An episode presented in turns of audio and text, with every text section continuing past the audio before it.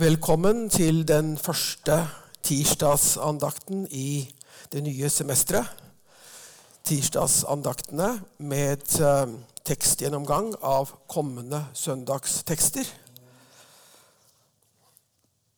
Vi skal åpne andakten med å synge sammen en salme som passer godt til um, den kommende andre søndag i åpenbaringstiden. Nummer 360. Jesus, du har brakt Guds rike. Alle tre vers. Vi er inne i den perioden som kalles den perioden av kirkeåret som kalles åpenbaringstiden. Det som skal åpenbares og avdekkes i disse ukene mellom jul og fastetid, er hvem Jesus er. Kommende søndag, den andre søndagen i åpenbaringstiden, hentes prekenteksten fra Johannes evangeliet, kapittel 1, vers 29-34. Der vitner døperen Johannes ved sitt første møte med Jesus om hvem han er. Som lesetekster i gudstjenesten trer to andre svært kjente bibeltekster inn ved siden av denne evangelieteksten. Fra Det gamle testamentet, noen vers fra skildringen av Herrens lidende tjener i Jesaja 53, og fra den nytestamentlige brevlitteraturen, en av de tre berømte Kristushymnene i Paulusbrevene, Kolosserne 1, 15-20. Alle tre tekstene er trykket opp på norsk og på engelsk på arket som lå på en stol uh, i foajeen ved inngangen her. For den oppmerksomme leser eller hører er det ikke vanskelig å skjønne hvorfor disse tre tekstene figurerer sammen. GT og Kolosserbrevstekstene har hver sine klare forbindelseslinjer til evangelieteksten. Med et så innholdstungt og så innholdsrikt og resepsjonstungt tekstmateriale må vi i en tekstgjennomgang som denne gjøre noen valg for hva det er mulig å si noe om. Jeg velger å konsentrere meg om den av de tre tekstene som er prekentekst, Johannes 1, vers 29-34, og nøye meg med kort å henvise til de to andre derfra. Jeg leser prekenteksten fra Johannes 1. Dagen etter ser Johannes Jesus komme gående mot seg, og han sier, Se Guds lam som bærer bort verdens synd. Om ham var det jeg sa, etter meg kommer det en mann som er kommet før meg, for han var til før meg. Jeg kjente ham ikke, men for at han skal bli åpenbart for Israel, er jeg kommet og døper med vann. Og Johannes vitnet og sa:" Jeg så ånden dale ned fra himmelen som en due, og den ble værende over ham. Jeg kjente ham ikke, men han som sendte meg for å døpe med vann, sa til meg, Ham du ser ånden dale nedover og bli hos, han er det som døper med Den hellige ånd. Jeg har sett det, og jeg har vitnet. Han er Guds sønn. De seks versene som vi nå har lest, utgjør den tredje tekstenheten i Johannes evangeliet. De to tekstenhetene som befinner seg forut for den, er nummer én prologen til hele evangeliet i vers 1-18 av kapittel 1. Og nummer to en krysseksaminasjon av døperen Johannes om hvem han er og ikke er, i vers 19-28. I evangeliets tredje tekstenhet får Johannes anledning til å avgi et positivt vitneutsagn. For Guds ånd identifiserer Jesus der han kommer gående mot døperen, som den Johannes er veiberederen for. Hvem er så Jesus ifølge døperen? Noe av det han sier om Jesus, lyder nokså gåtefullt. Jeg tenker på vers 30. Om ham var det jeg sa, etter meg kommer det en mann som er kommet før meg, for han var til før meg. Om ham var det jeg sa. Johannes viser til noe han har sagt på et tidligere tidspunkt, nemlig noe som inngår allerede i den forutgående og første tekstenheten nemlig prologen til hele Johannesevangeliet. Se vers 15 der, som for øvrig er del av prekenteksten den etterfølgende tredje søndag i åpenbaringstiden. Innflettet i prologen om logos, ordet, er en referanse til døperen Johannes. Sitat, Johannes kom for å vitne. Han skulle vitne om lyset, så alle skulle komme til tro ved ham. Selv var han ikke lyset, men han skulle vitne om lyset. Døperen Johannes gjorde så sterkt inntrykk på mange mennesker at de trodde han var Messias og lyset fra Gud. Men det er en misforståelse som evangelisten gjør opp med i løpet av evangeliets tre første tekstenheter. Messias og lyset er det Jesus som er. Og Johannes er det fremste kronvitnet om Jesus og denne sannheten om Jesus.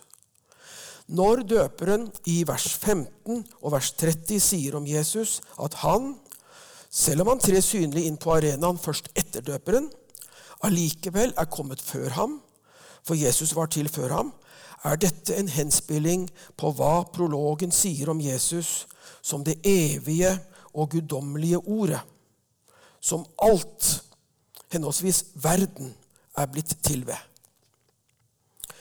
For nøyaktig to uker siden var Johannes 1, vers 1-14 prekentekst som alltid i høytidsgudstjenesten på første juledag. Så jeg går ikke nærmere inn på det nå. Men vi må føye til at det er nettopp her, i vers 30, at Kristushymnen i epistelteksten fra Kolosserne 1, 15-20 har sin forbindelseslinje til teksten. Med tydelig bakgrunn i den gammeltestamentlige og tidligjødiske visdomsteologien skildres Jesus der som preeksistent, guddommelig, skapelsesmidler, forsoner, hode for Kirken. Den delen av Johannes' vitneutsagn om Jesus som jeg ønsker å dvele mer ved, er det han åpner med å si i vers 29. Se Guds lam som bærer bort verdens synd. Viktigheten og tyngden i dette utsagnet fremgår også ved at Johannes gjentar det dagen etter. I den etterfølgende fjerde tekstenheten i Johannes kapittel 1, vers 35 følgende. Sitat, da Jesus igjen kom gående, så Johannes på ham og sa, Se Guds lam.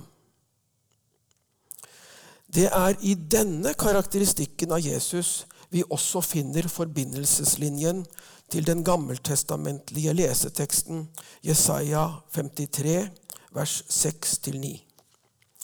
Der sammenlignes Herrens lidende tjener med et lam. Han er lik et lam som føres bort for å slaktes. Vers 7. Det heter ikke om tjeneren i Jesaja 53 at han er Guds lam. Men i den skjebne som fikk profeten til å sammenligne Herrens tjener med et lam på vei mot slaktebenken, har tjeneren andres skyld Eh, bar tjeneren andres skyld og synd, slik det tydelig fremgår av andre vers gjennom kapittelet Jesaja 53.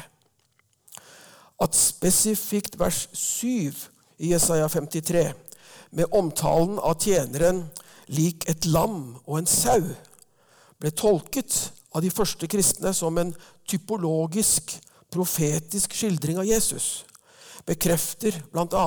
evangelisten Philips samtale med den etiopiske hoffmannen i Apostlenes gjerninger kapittel 8, der Philip sitat, begynte med dette skriftstedet, altså Jesaja 53, vers 7-8, og forkynte evangeliet om Jesus for ham. Guds lam som den mest fremtredende kristologiske bestemmelsen er for øvrig karakteristisk for et annet av Det nye testamentets johaneiske skrifter, nemlig åpenbaringsboken. 28 ganger blir Jesus der kalt for lammet. Selv om det er en variasjon i valg av gresk ord, amnos i evangeliet og arnion i apokalypsen, består en klar tematisk forbindelse mellom de to. Hvis vi spør etter den tradisjonshistoriske bakgrunnen for denne Kristusbetegnelsen, vil mange raskt vise til påskelammet, altså lammet omtalt i 2. Mosebok kapittel 12 i forbindelse med israelfolkets eksodus fra Egypt, som i ettertid ble til en kjerne i jødenes påskefeiring. Blodet fra det slaktede påskelammet, strøket på dørstolpene og dørbjelkene, beskyttet israelittene mot dødsengelen som gikk gjennom Egyptlandet for å slå i hjel alle førstefødte. At Jesus i sin blodige død på korset kunne sammenlignes med påskelammet, fremgår av korsfestelsesscenen slik Johannes evangeliet skildrer den i kapittel 19, vers 31-36. Jesus dør på korset på Golgata samtidig med at påskelammene blir slaktet i tempelet.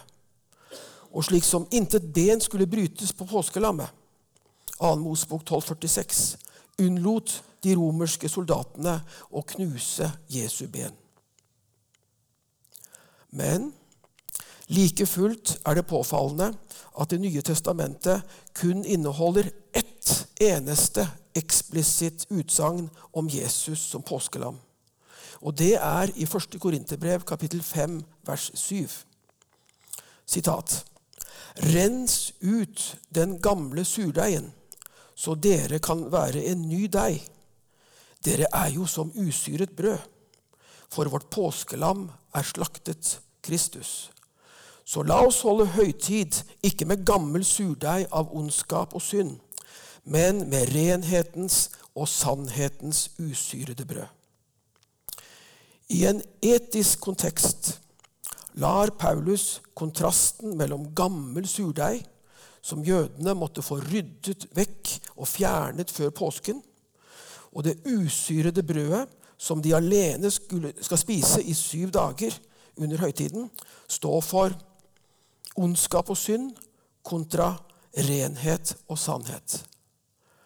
Han gjør derimot intet soteriologisk poeng av påskelammet. Dette er lite overraskende, for påskelammet er bibelsk sett ikke noe soneoffer.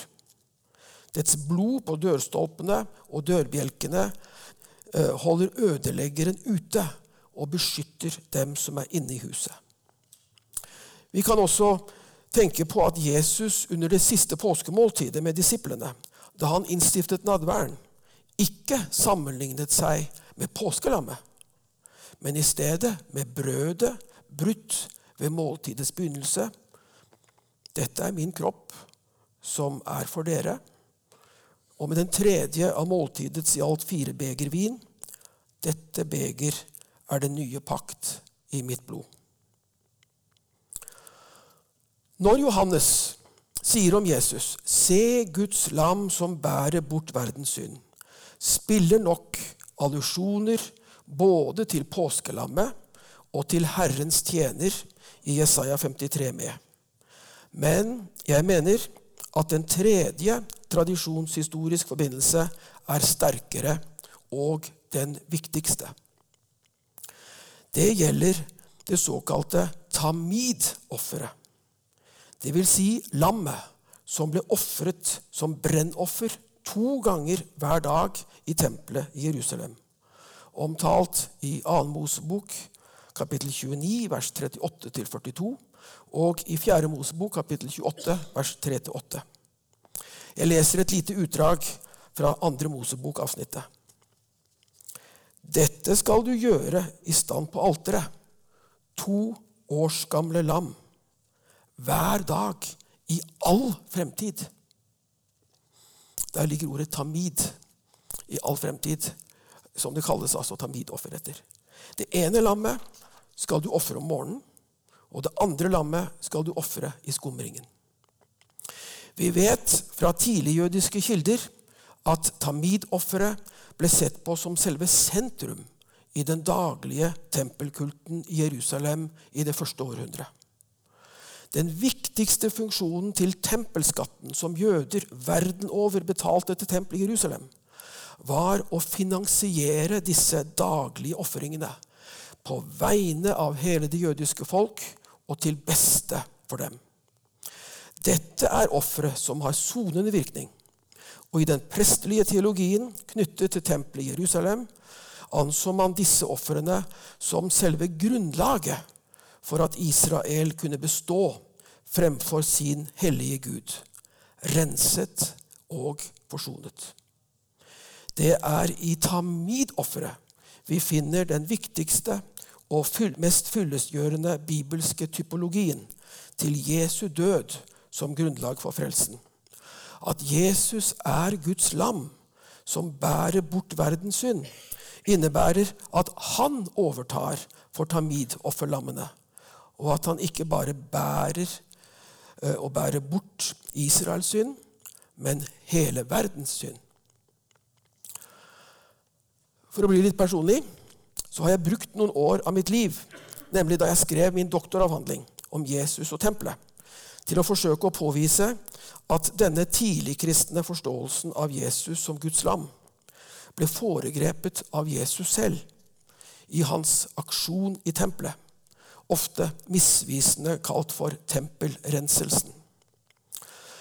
Da Jesus forstyrret salget av duer til brennofre og syndeofre, og forstyrret betalingen av tempelskatten til pengevekslerne, markerte han symbolsk sluttpunktet for den prestelige, sadukeiske tempelpraksisen og forståelsen av offerkulten.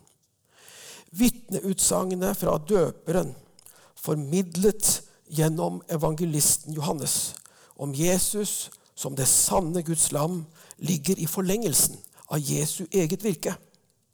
Fra nå av gjelder hans forkynnelse av Guds rike, og hans oppstandelse, død oppstandelse baner veien dit.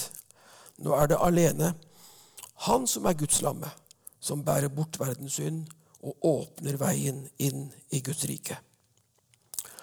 Oppriktige og kritiske lyttere til denne tekstgjennomgangen, enten de sitter foran meg under dagens andakt på VID misjonshøgskolen, eller hører på podkasten, som eh, videreformidler andakten, får ha sine tanker om hvorvidt jeg i dag for ensidig har kjørt en privat teologisk kjepphest. Man må gjerne ta kontakt med meg for å få tilsendt en artikkel eller to der jeg redegjør for min historiske og eksegetiske forståelse av Jesu tempelaksjon, hvis man er nysgjerrig på det. Det er mange, flere, flotte legitime muligheter for prekenen på andre søndag i åpenbaringstiden enn å fokusere på det bibelske bakgrunnsmaterialet for omtalen av Jesus som Guds lam. Uansett hva de enkelte predikanter velger å legge hovedvekten på, vil jeg dog mene at det bør inngå nadværfeiring i gudstjenesten og at predikanten bør benytte den unike anledningen som døperens vitneutsagn om Jesus som Guds lam byr på, til å kommentere Agnus Dei-leddet i nadværliturgien. Inntil for noen år siden hadde dette leddet følgende utforming. Du Guds lam, som bar all verdens synder, miskunne deg over oss Og den tredje gangen, gi oss din fred. Nå lyder det, du Guds lam som bærer verdens synder, miskunne deg over oss. Altså er det endret fra å være et utsagn i fortid, du Guds lam bar all verdens synder, til et utsagn i presens, du Guds lam bærer verdens synder. Naturligvis var det diskusjon da denne endringen ble innført. Og diskusjonen pågår fremdeles. At døperen bruker presens form i dagens bibeltekst, er naturlig. For på det tidspunktet pågikk Jesu tjeneste med å bære og å bære bort um, synder. Det pågikk fremdeles og var ennå ikke fullendt. Men når vi feirer gudstjeneste med Herrens måltid, befinner vi oss jo i tid etter Jesu avsluttede tjeneste med å bære bort verdens synd. Bør vi ikke av den grunn benytte fortidsform i liturgien? Hvis vi gjør det, fastholder vi Jesu soning for våre synder som et etablert frelseshistorisk faktum. Men også presensformen har sin berettigelse. Den må ikke misforstås som at presten som forestår eukaristien, nå gjentar Jesu offer. I stedet skal presensformen forstås som ekvivalent til det såkalte anamnetiske aspektet ved nadværen. Når det to ganger sies at dette gjøres til minne om Jesus, på gresk til min anamnesis, svarende til den hebraiske formuleringen om den jødiske påskefeiringen, det skjer le zikaron. Å minnes i denne forstand innebærer at vi blir til samtidige med Jesus og disiplene i nadværen.